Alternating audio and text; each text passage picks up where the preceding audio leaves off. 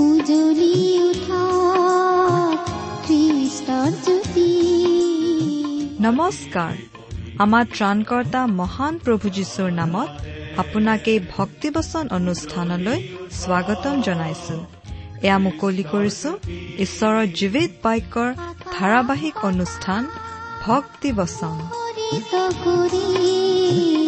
মুখৰিত কৰি গাওঁ সবে মিলি প্ৰশংসা গীতি আজিৰে পবিত্ৰ ক্ষণতে উজলি উঠা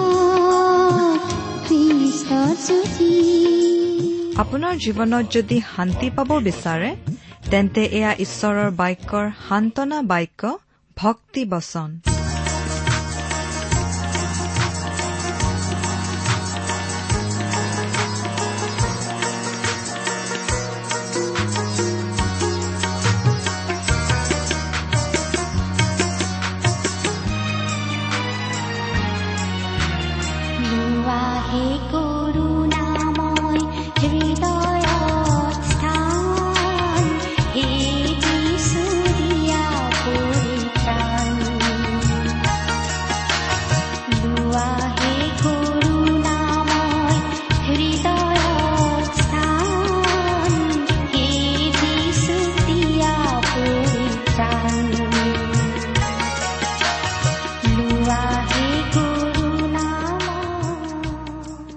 আমাৰ পৰম পবিত্ৰ প্ৰভু যীশুখ্ৰীষ্টৰ নামত নমস্কাৰ প্ৰিয় শ্ৰোতা। আশা কৰো মহান পিতা পৰমেশ্বৰৰ মহান অনুগ্ৰহত আপুনি ভালে কুশলে আছে। লগতে এই বুলিও আশা কৰিছো যে আপুনি আমাৰ এই ভক্তিবচন অনুষ্ঠানটো নিয়মিতভাৱে শুনি আছে। প্ৰিয় শ্ৰোতা আমি আমাৰ চিনাকি লোকসকল আমি ভাল পোৱা লোকসকল সদায় ভালে কুশলে থকাটো নিবিচাৰোনে বাৰু? ঈশ্বৰেও আমাক ভাল পায় আৰু আমি ভালে কুশলে থকাটো বিচাৰে। আৰু সেইবাবেই তেওঁ আমাক উদ্ধাৰ কৰিবলৈ তেওঁৰ একেজাত পুত্ৰ যীশুখ্ৰীষ্টকেই আমালৈ দান কৰিছিল। আমিও আমাৰ শ্ৰোতাসকলৰ কুশল বাতৰি শুনিবলৈ ইচ্ছা কৰো। আৰু সেয়েহে আমাৰ শ্ৰোতাসকলক আমি অনুৰোধ জনাওঁ যাতে তেওঁলোকে মাজে সময়ে আমালৈ চিঠি পত্ৰ লিখি থাকে। প্ৰিয় শ্ৰোতা আপুনি বাৰু আমালৈ চিঠি পত্ৰ লিখিছেনে? অনুগ্ৰহ কৰি আজিয়ে দুখাৰিমান লিখি পঠিয়াওকচোন। আমাৰ যোগাযোগৰ ঠিকনা ভক্তিবচন টি ডব্লিউ আৰ ইণ্ডিয়া ডাক বাকচ নম্বৰ সাত শূন্য গুৱাহাটী সাত আঠ এক শূন্য শূন্য এক। ভক্তিবচন T W R India post box number seventy Guwahati seven eight one zero' zero' one. আমাৰ website W W W dot radio' eight eight two dot com প্ৰিয় শ্ৰোতা আপুনি বাৰু আমাৰ এই ভক্তিবচন অনুষ্ঠানটো নিয়মিতভাৱে শুনি আছেনে? যদিহে শুনি আছে তেতিয়াহ'লে আপুনি এই কথাটো নিশ্চয় জানে। যে আমি আমাৰ আগৰ অনুষ্ঠানত বাইবেলৰ এখন পুস্তকৰ অধ্যয়নৰ সামৰণি মাৰিছিলো। নহয় জানো? আৰু গতিকে আজিৰ পৰা আমি বাইবেলৰ আন এখন পুস্তক অধ্যয়নৰ কাৰণে হাতত ল'ব খুজিছো। আজিৰে পৰা আমি যি পুস্তকখন অধ্যয়নৰ বাবে হাতত লৈছো সেই পুস্তকখন হৈছে বাইবেলৰ পুৰণি নিয়ম খণ্ডৰ জোনা ভাৱবাদীৰ পুস্তক নামৰ পুস্তকখন। আমি আজিৰ পৰা এঘাৰটা অধ্যয়নত এই জোনা পুস্তকখনৰ অধ্যয়ন আগবঢ়াম। আজিৰ অধ্যয়নত পুস্তকখনৰ কেৱল আমি এটা চমু পৰিচয় আগবঢ়াই তাৰ প্ৰতি আলোচনা কৰিম হওক। এই আলোচনাত ধৰাৰ আগতে আহকচোন। সদায় কৰি অহাৰ নিচিনাকৈ আমি পৰমপিতা পৰমেশ্বৰৰ ওচৰত খন্তেক প্ৰাৰ্থনাত মূৰ দুৱাওঁ হওক। আমি প্ৰাৰ্থনা কৰো হে আমাৰ সৰগত থকা পিতা পৰমেশ্বৰ প্ৰভু আপুনি মহান পবিত্ৰ সত্য নিত্য আৰু একমাত্ৰ ঈশ্বৰ। আপোনাৰ গৌৰৱ প্ৰশংসা মান আৰু সমাদৰ হওক। হে ঈশ্বৰ প্ৰাৰ্থনা কৰিছো আপোনাৰ মহান বাক্য বাইবেল শাস্ত্ৰ অধ্যয়ন কৰোতে আপুনি আমাক সহায় কৰক যাতে আমি আপোনাৰ স্পষ্ট মাত শুনিবলৈ পাওঁ আমাৰ মৰমৰ শ্ৰোতাসকলক আপুনি উপচি পৰাকৈ আশীৰ্বাদ কৰক। আপোনাৰ চৰণত এই প্ৰাৰ্থনা ৰাখিছো। পৰিত্ৰতা প্ৰভু যীশুৰ নামত।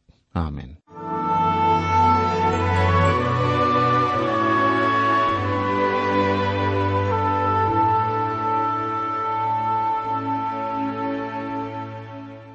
প্ৰিয় শ্ৰোতা এয়া জোনা পুস্তকৰ পাতনি কথাৰ আলোচনা।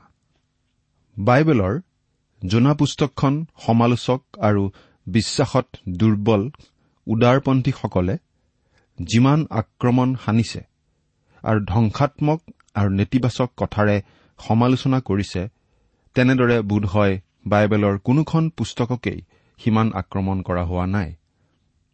সিমানখিনি ধ্বংসাত্মক আৰু নেতিবাচক কথাৰে সমালোচনা কৰা হোৱা নাই।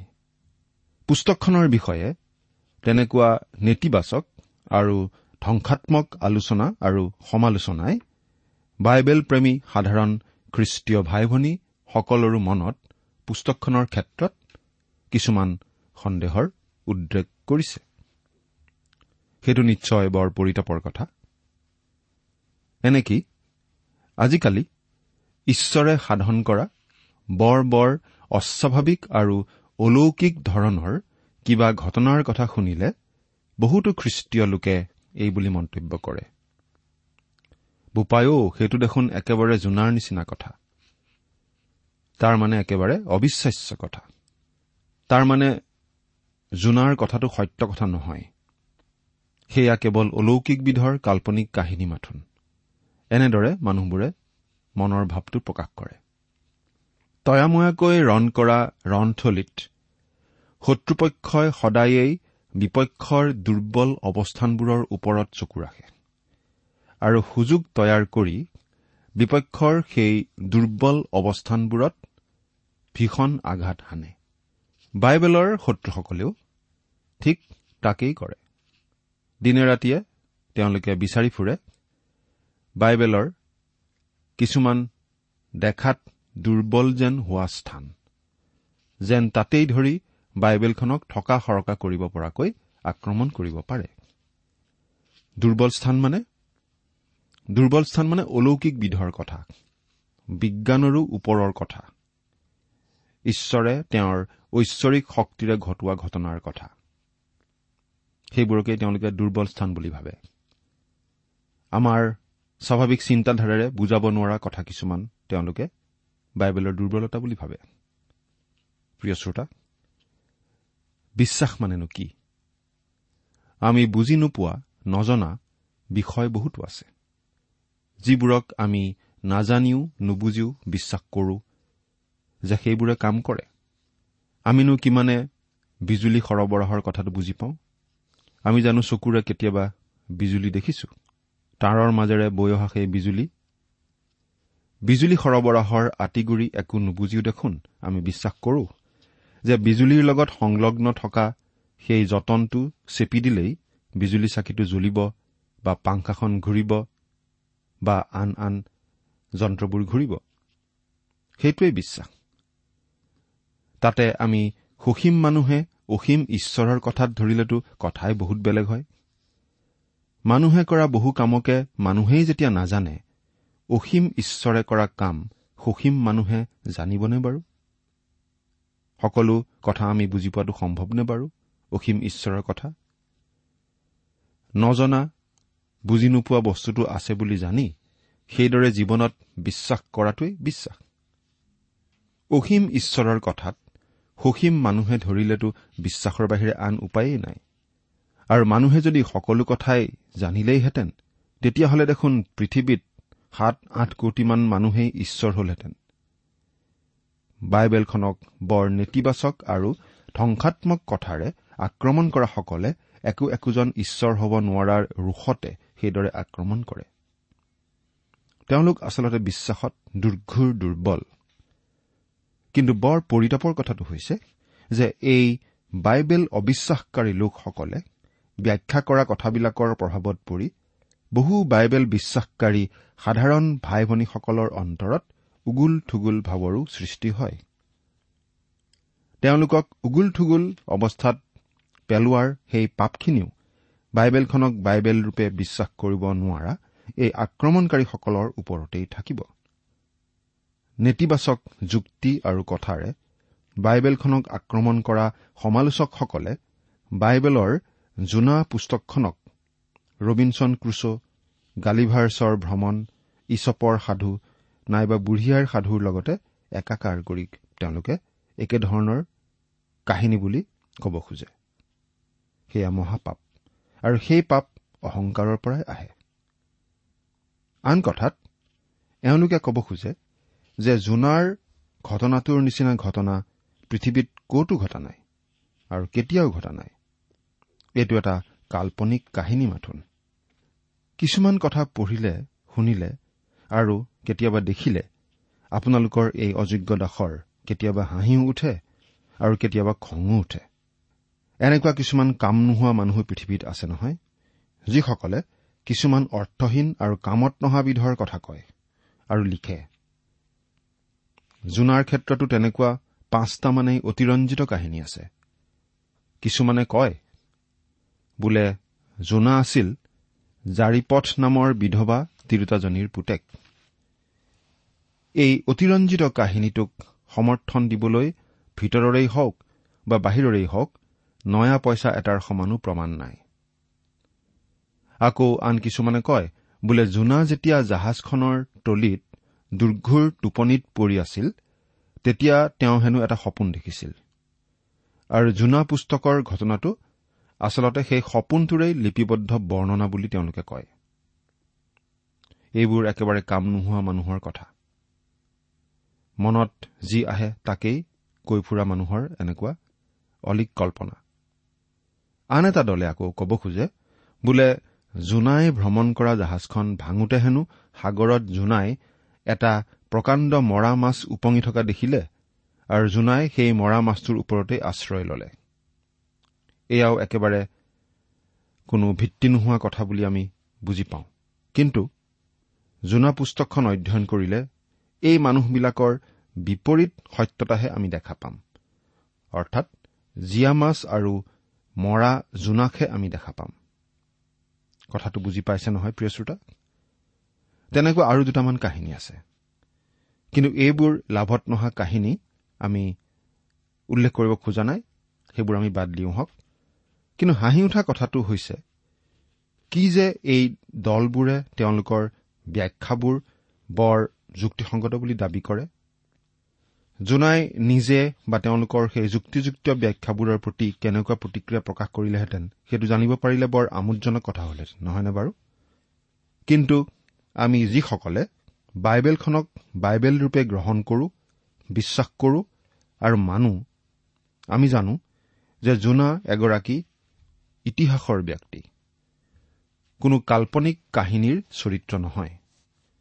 জোনাৰ বিৱৰণ যে শুদ্ধ আৰু ঐতিহাসিক আমি নিৰ্ভৰশীল আৰু কৰ্তৃত্বপূৰ্ণ উৎসৰ ভিত্তিত নিশ্চিত কৰিব পাৰোঁ। আৰু পুস্তকখনৰ যি বাণী সি আজিৰ দিনৰ নিমিত্তেও বৰ খাপ খোৱা আৰু তাৎপৰ্যপূৰ্ণ বাণী।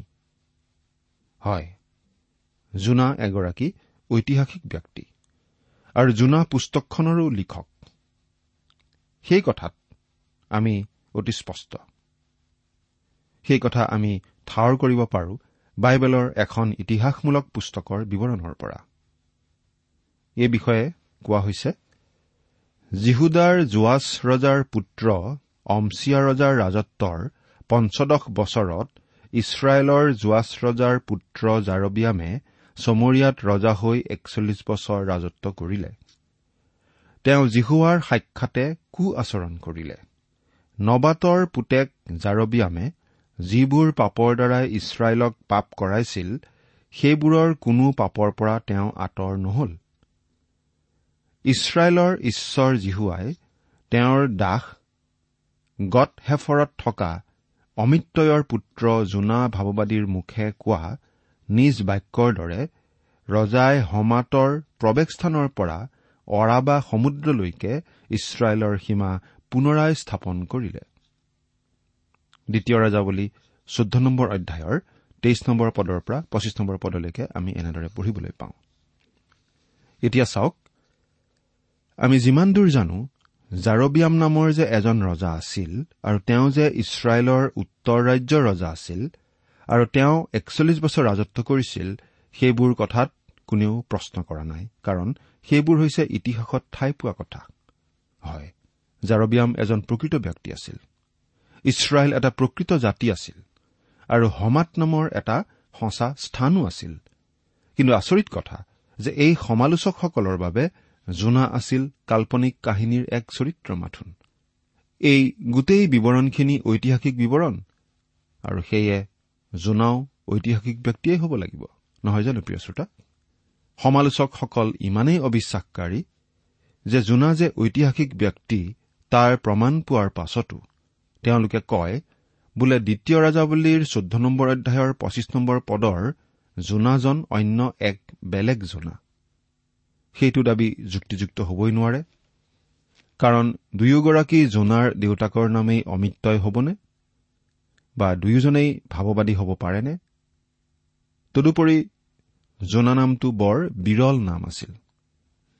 আমাৰ আজিৰ দৰে বিভিন্ন উপাধিৰ লগতে নাম লিখাৰ প্ৰথাও নাছিল। বাইবেলতো তেওঁৰ নামটো কেৱল তিনি ঠাইতহে উল্লেখ কৰা হৈছে।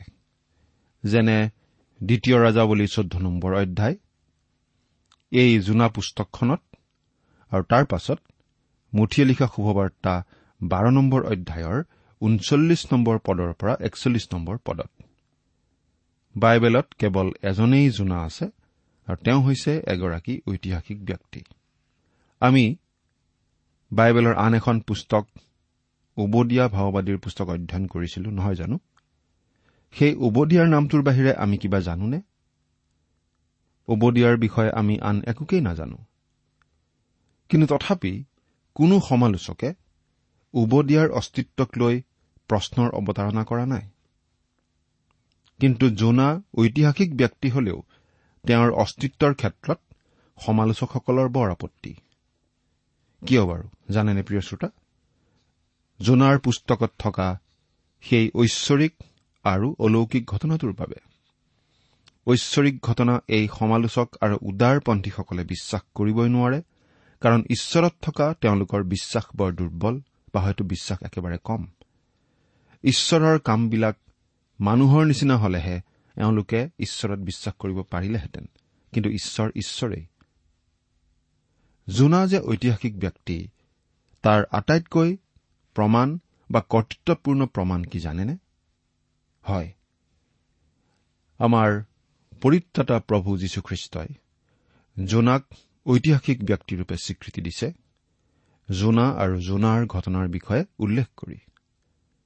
মুঠিয়ে লিখা শুভবাৰ্তা বাৰ নম্বৰ অধ্যায়ৰ ঊনচল্লিছৰ পৰা একচল্লিছ নম্বৰ পদ আৰু লোকে লিখা শুভবাৰ্তা এঘাৰ নম্বৰ অধ্যায়ৰ ত্ৰিশ নম্বৰ পদ। ইতিহাসত কেতিয়াও নথকা মানুহজনৰ কথা। আৰু ইতিহাসত কেতিয়াও নঘটা ঘটনা এটাৰ তেওঁ স্বীকৃতি দিলেহেঁতেন নে বাৰু?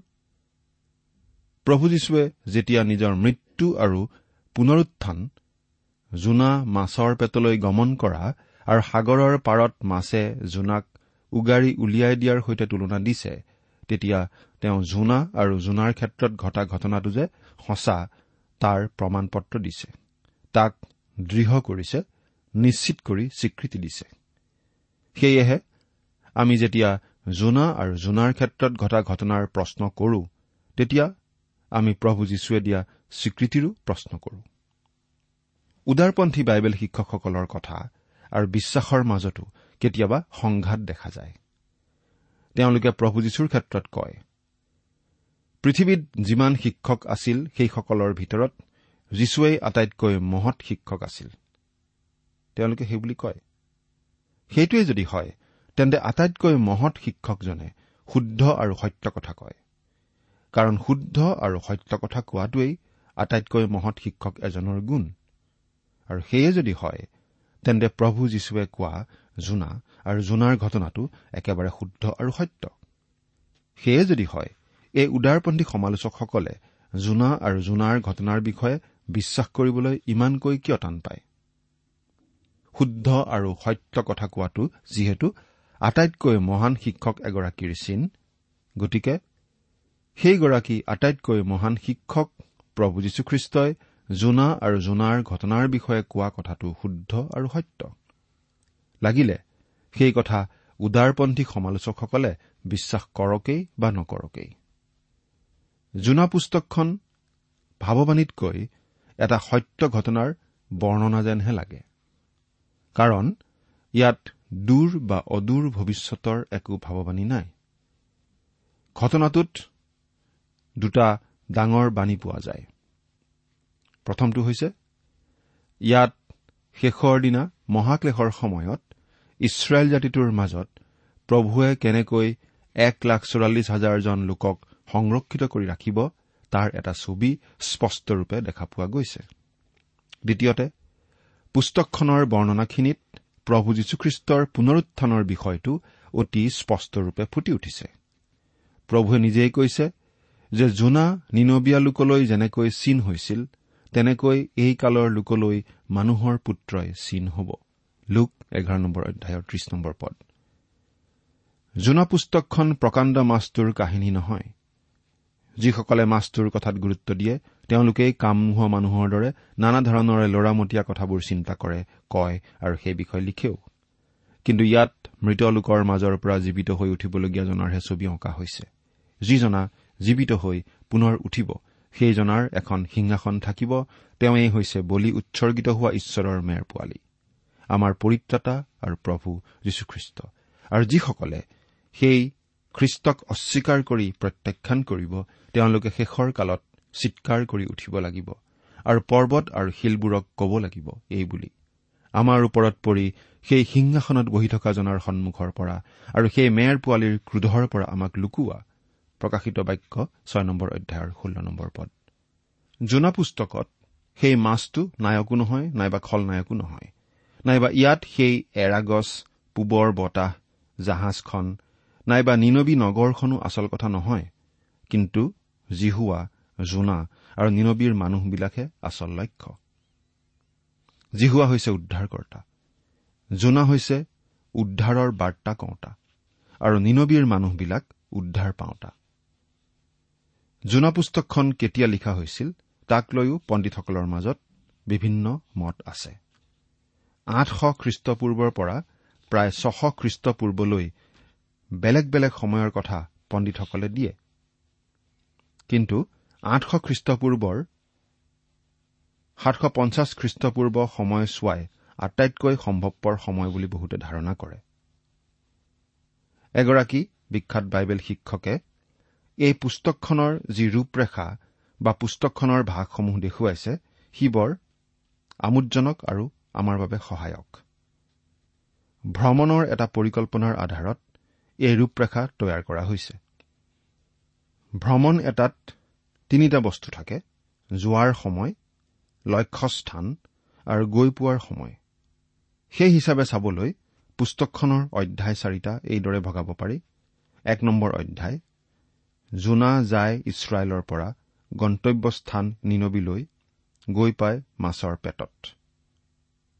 দ্বিতীয় অধ্যায় জোনা ওলাই যায় মাছৰ পেটৰ পৰা গন্তব্যস্থান আকৌ নিনবী কিন্তু গৈ পায় বাম বা শুকান ভূমি। তিনি নম্বৰ অধ্যায় জোনাই শুকান ভূমিৰ পৰা আগবাঢ়ি যায়। গন্তব্যস্থান আকৌ নিনবী আৰু এইবাৰ গৈ উপস্থিত হয় নিনবীতেই। চাৰি নম্বৰ অধ্যায় জোনাই ওলাই যায় নিনবীৰ পৰা। গন্তব্যস্থান এৰাগছ এজোপাৰ স্থান কিন্তু গৈ উপস্থিত হয় প্ৰভুৰ অন্তৰত। জোনাৰ পুস্তকখনত ছয়টা শিক্ষা অন্তৰ্নিহিত আছে। প্ৰথমতে প্ৰভু যীশুখ্ৰীষ্টৰ পুনৰুত্থান। পুৰাতন বিধানত জোনাখনেই এনে এখন পুস্তক য'ত প্ৰভু যীশুৰ পুনৰুত্থানৰ ইংগিত অতি স্পষ্ট আৰু সেয়ে প্ৰভুৱে তেওঁৰ পুনৰুত্থানৰ কথাত জোনা আৰু জোনাৰ ঘটনাৰ উদ্ধৃতি দি তেওঁৰ মৃত্যু আৰু পুনৰুত্থানৰ পূৰ্বাভাস দিছিল। দ্বিতীয়তে পৰিত্ৰাণ জিহুৱাৰ পৰা হয়। জোনা দুই নম্বৰ অধ্যায়ৰ ন নম্বৰ পদ কিন্তু কৰ্মৰ পৰা নহয়। ইফিচিয়া দুই নম্বৰ অধ্যায়ৰ ন নম্বৰ পদ। তৃতীয়তে ঈশ্বৰৰ অনুগ্ৰহৰ কাৰ্য ওলাই কৰিব নোৱাৰি। তেওঁৰ অনুগ্ৰহৰ দ্বাৰাই ঈশ্বৰে নিনবীবাসীক উদ্ধাৰ কৰা কাৰ্যটোক জোনাই অৱহেলা কৰিছিল কিন্তু ওলাই কৰিব নোৱাৰিলে। চতুৰ্থতে ঈশ্বৰে যিজনাৰ দ্বাৰাই কাম কৰিব বিচাৰে তেওঁক ব্যৱহাৰ কৰেই। মুচি গিডিয়ন জিৰিমিয়া আৰু পিতৰ এওঁলোকো জোনাৰ লগতে সেই সত্যতাৰ প্ৰমাণ। সেই সত্যতাৰ সাক্ষ্য আজিও বহুতৰ পৰা শুনা যায়। পঞ্চমতে পুৰণি নিয়মৰ ঈশ্বৰজন ক্ৰোধী ঈশ্বৰ আৰু নতুন নিয়মৰ ঈশ্বৰজন প্ৰেমময় ঈশ্বৰ বোলা কথাটো সঁচা নহয়। পুৰণি নিয়মৰ ঈশ্বৰজনো কৃপালু আৰু দয়াৰে পৰিপূৰ্ণ ঈশ্বৰ। জোনা চাৰি নম্বৰ অধ্যায়ৰ দুই নম্বৰ পদ। আৰু ষষ্ঠতে ইছৰাইলৰ ঈশ্বৰ সকলো অনা ইছৰাইল বা পৰজাতি লোকৰো ঈশ্বৰ। নিনবীবাসী লোকসকল ওচৰীয়া লোক। এই ওচৰীয়া লোকসকল অতি নিষ্ঠুৰ আৰু অত্যাচাৰী লোক আছিল। ঈশ্বৰে কিন্তু তেওঁলোককো ভাল পাইছিল। আৰু সেয়েহে নতুন নিয়মত পৌল যেনেকৈ পৰজাতিবিলাকলৈ মিছনেৰী আছিল পুৰণি নিয়মত জোনা আছিল পৰজাতিবিলাকলৈ মিছনেৰী। আজি সকলো হেৰুৱা আত্মাৰ মাজত আমিও এনেদৰে প্ৰভুৰ বাৰ্তা বিলাবলৈ নিযুক্ত হৈ আছো। আপুনিও প্ৰভুৰ বাৰ্তা প্ৰেমৰ বাৰ্তা সেই অনুগ্ৰহৰ বাৰ্তা জনাইছেনে? ঈশ্বৰে বাৰু আপোনাকো ব্যৱহাৰ কৰি আছেনে? চিন্তা কৰি চাওকচোন। ঈশ্বৰে আপোনাক আশীৰ্বাদ কৰক। আমেন। ইমান পৰে আপুনি ভক্তিবচন অনুষ্ঠানটি শুনিলে। এই বিষয়ে আপোনাৰ মতামত জানিবলৈ পালে আমি নথৈ আনন্দিত হ'ম। আমি প্ৰস্তুত কৰা বাইবেল অধ্যয়নৰ আন চিডিসমূহ পাব বিচাৰিলেও আমালৈ লিখক। অনুষ্ঠানটি শুনি কেনে পালে আমালৈ চিঠি লিখি জনাবচোন। অনুষ্ঠানত প্ৰচাৰ কৰা কোনো কথা বুজিব লগা থাকিলেও আমালৈ লিখক। আমাৰ ঠিকনা? ভক্তিবচন ট্ৰান্স ৱৰ্ল্ড ৰেডিঅ' ইণ্ডিয়া ডাক বাকচ নম্বৰ সাত শূন্য গুৱাহাটী সাত আঠ এক শূন্য শূন্য এক। ঠিকনাটো আৰু এবাৰ কৈছো ভক্তিবচন ট্ৰান্স ৱৰ্ল্ড ৰেডিঅ' ইণ্ডিয়া ডাক বাকচ নম্বৰ সাত শূন্য গুৱাহাটী সাত আঠ এক শূন্য শূন্য এক। আমাৰ ইমেইল এড্ৰেছটো হৈছে S M is T T B at the rate radio' eight eight two dot com. আমাৰ ৱেবছাইট ইন আপুনি টেলিফোনৰ মাধ্যমেৰেও আমাক যোগাযোগ কৰিব পাৰে। আমাৰ টেলিফোন নম্বৰটো হৈছে শূন্য তিনি ছয় এক দুই ছয় শূন্য চাৰি ছয় সাত এক। ফোন নম্বৰটো আকৌ এবাৰ কৈছো zero' three six one two six zero' four six seven one. আজিৰ অনুষ্ঠানটি ইমানতে সামৰিছো। ঈশ্বৰৰ শান্তি আৰু অনুগ্ৰহ আপোনাৰ লগত থাকক। ধন্যবাদ।